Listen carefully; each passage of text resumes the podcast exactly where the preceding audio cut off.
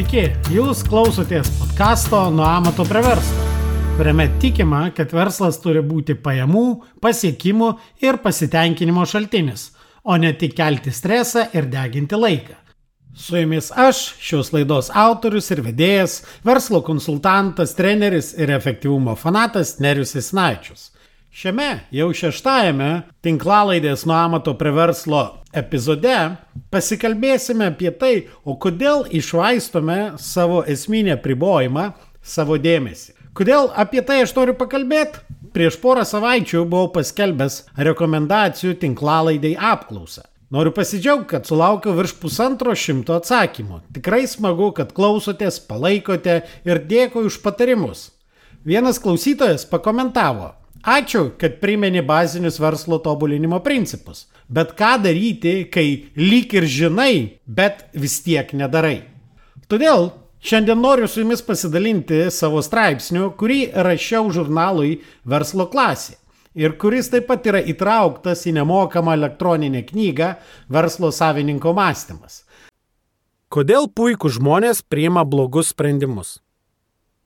Per savo 16 metų apribojimų teorijos propagavimo bei šios metodikos taikymo organizacijose karjerą, visuomet mano veiklos objektu buvo ir tebėra organizacijos procesinė pusė, dar vadinama kietaisiais dalykais.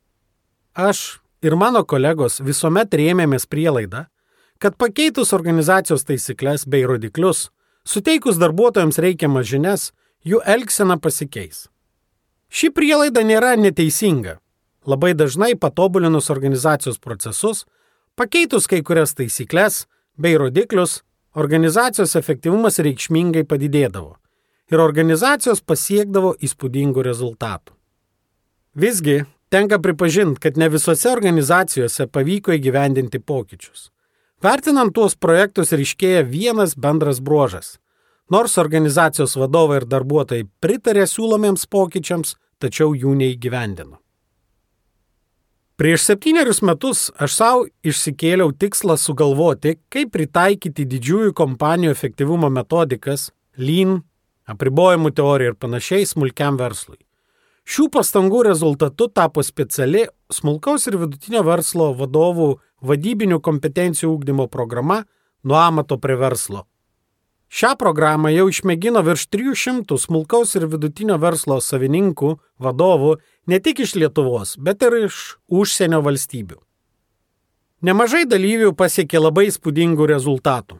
Išaugo pardavimai, kompanijų pelnas, o verslas tapo sistema, kuri daug mažiau priklauso nuo savininko kasdieninio dalyvavimo. Tačiau visgi pakankamai reikšminga dalis dalyvių negali pasigirti labai įspūdingais rezultatais. Ir dažniausiai vardinama priežastis - nebuvo kada pritaikyti gautų žinių, nors puikiai suprato, kad kiti darbai nebuvo tokie reikšmingi organizacijos sėkmiai. Ir panašias istorijas galime išgirsti ne tik profesinėje sferoje, bet ir asmeninėme gyvenime. Net žinodami blogų įpročių žalą, žmonės neranda laiko tuos įpročius pakeisti. Kažkada vienas mano draugas paklausė, kur yra žmogaus asmeninis apribojimas. Kasgi neleidžia pasiekti žmogui gyvenime daugiau to, ko norima? Rasti asmeninį žmogaus apribojimą nėra sunku. Net nesusimastydami daugelis mokytojų, tėvų, auklėtojų dažnai kartoja apie šį apribojimą savo nedėmesingiams klausytojams. Kas iš jūsų nesate girdėję frazės?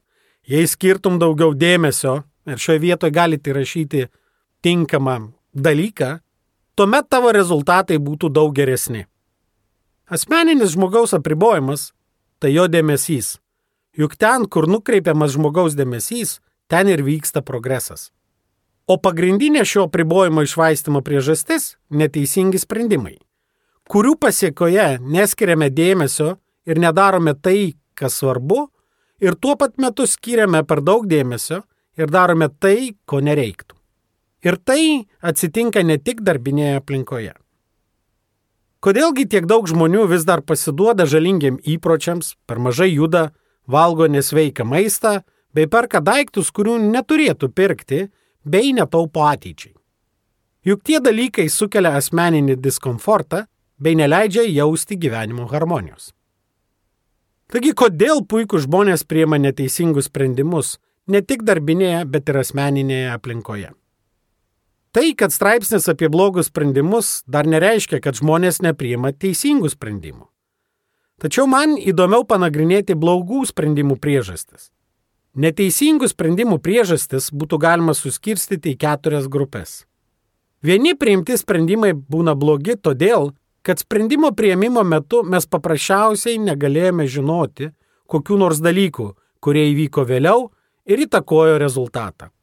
Pavyzdžiui, jei jūsų darbas yra prognozuoti orą arba prekių pardavimus ateityje, jūs tiesiog turite susitaikyti su tuo, kad neretai jūsų sprendimai bus neteisingi, nes neįmanoma tiksliai nuspėti ateities.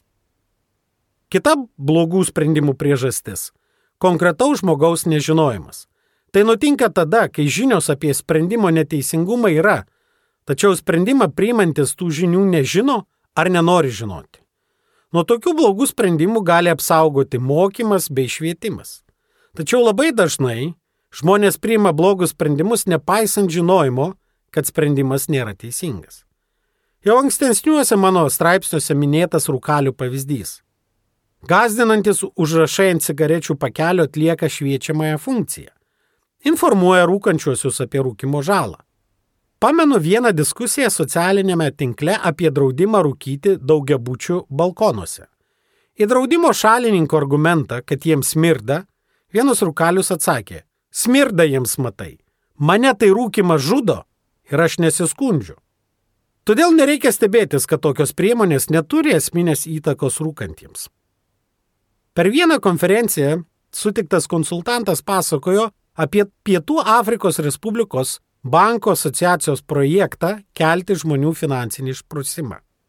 Nepaisant mokymų bei įvairių skaičiuoklių išmaniesiems telefonams, leidžiančių žmogui vertinti, ar kažkoks rimtesnis pirkinys, pavyzdžiui, televizorius, kelionė ir panašiai, yra finansiškai kandami, žmonių elgsena beveik nepasikeitė ir jie toliau išlaidavo daugiau, nei galėjo sauliaisti. Taip žmonės elgesi dėl kitų dviejų priežasčių - inercijos arba kompromisų. Dar Benjaminas Franklinas XVII amžiuje pasiūlė metodą įvertinti sprendimo teisingumą.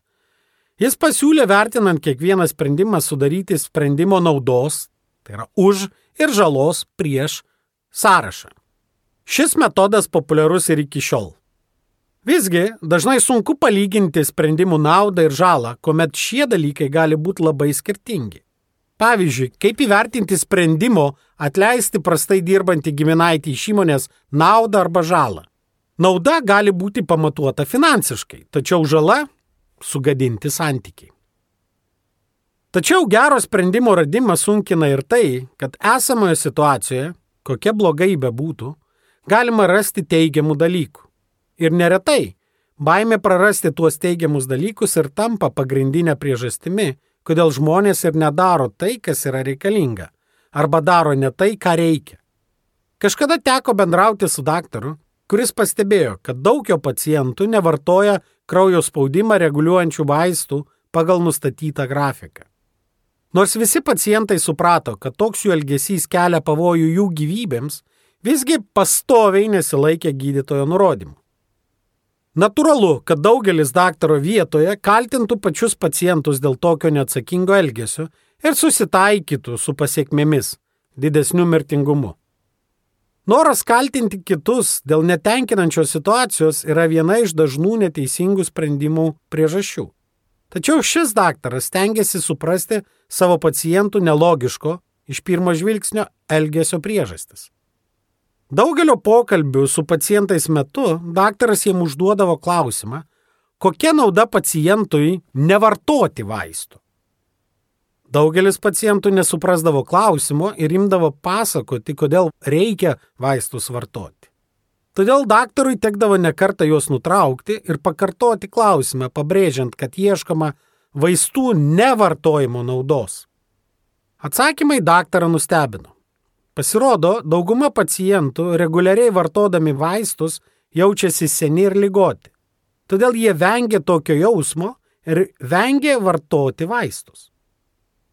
Tai priminė man mano močiutė, kuri net sulaukusi 95 metų vengė vartoti spaudimą mažinančius vaistus, kad nepriprastų.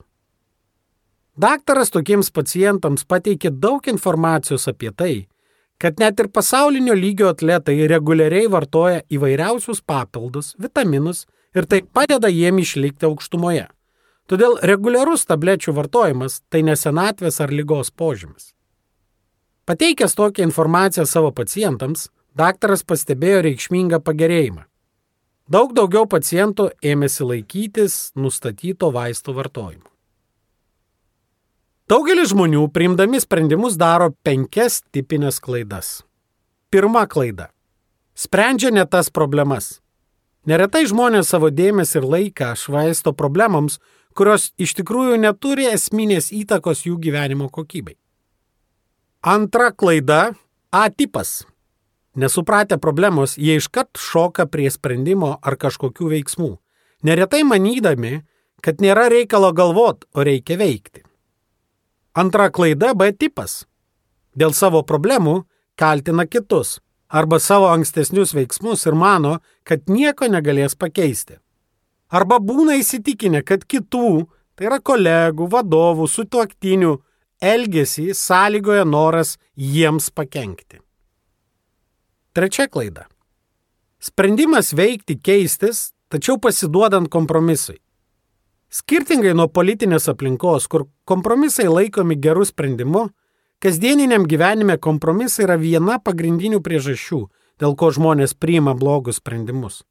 Kompromisinis sprendimas tai kuomet konflikto pusės turi atsisakyti kažko, ko pasiekoje nepasiekiami tikslai. Ketvirta klaida. Kartai žmonės taip susižavi savo idėją, kad neįvertina jos trūkumų, galimų neįgiamų pasiekmių, rizikų ar sprendimo įgyvendinimo kliučių. Net ir nekompromisinis sprendimas gali būti žalingas, jei ne iki galo apgalvotas ar nenumatytas teisingas įgyvendinimo planas. Penkta klaida - nepasimokymas iš klaidų. Kartais sprendimas yra pakankamai rizikingas ir nėra aišku, ar jis tikrai atneš naudą. Tačiau dažnai nepasiruošiama eksperimentui ir iš klaidų nepasimokoma. Vienas iš apribojimų teorijos ekspertų, dr. Alan Bernard, savo psichologijos daktaro disertacijoje ne tik identifikavo šias klaidas, bet ir sukūrė gerų sprendimų prieimimo procesą, kuris ryškiai sumažina blogų sprendimų tikimybę. Taigi, pirmas žingsnis Siekdami išvengti savo dėmesio švaistimo, turime užtikrinti, kad sprendžiame tikrai savo ar organizacijai svarbę problemą. O geriausias būdas nuspręsti, ar problema svarbi, tai įvertinti problemos žalą organizacijai arba gerai žmogaus savijautai. Antras žingsnis A. Prieš ieškodami sprendimo turime suprasti, kodėlgi ta problema iki šiol neišspręsta, koks vidinis konfliktas už to slypi. Reikia suprasti ne tik galimo sprendimo naudą bei žalą, tačiau taip pat svarbu įvertinti ir sprendimo neprieimimo, pokyčio nedarimo naudą. Kaip jau minėjau anksčiau, tos naudos, net ir menamos praradimo tikimybė ir gali būti ta priežastis, dėl ko sprendimas ir nebus priimtas. Antras žingsnis B.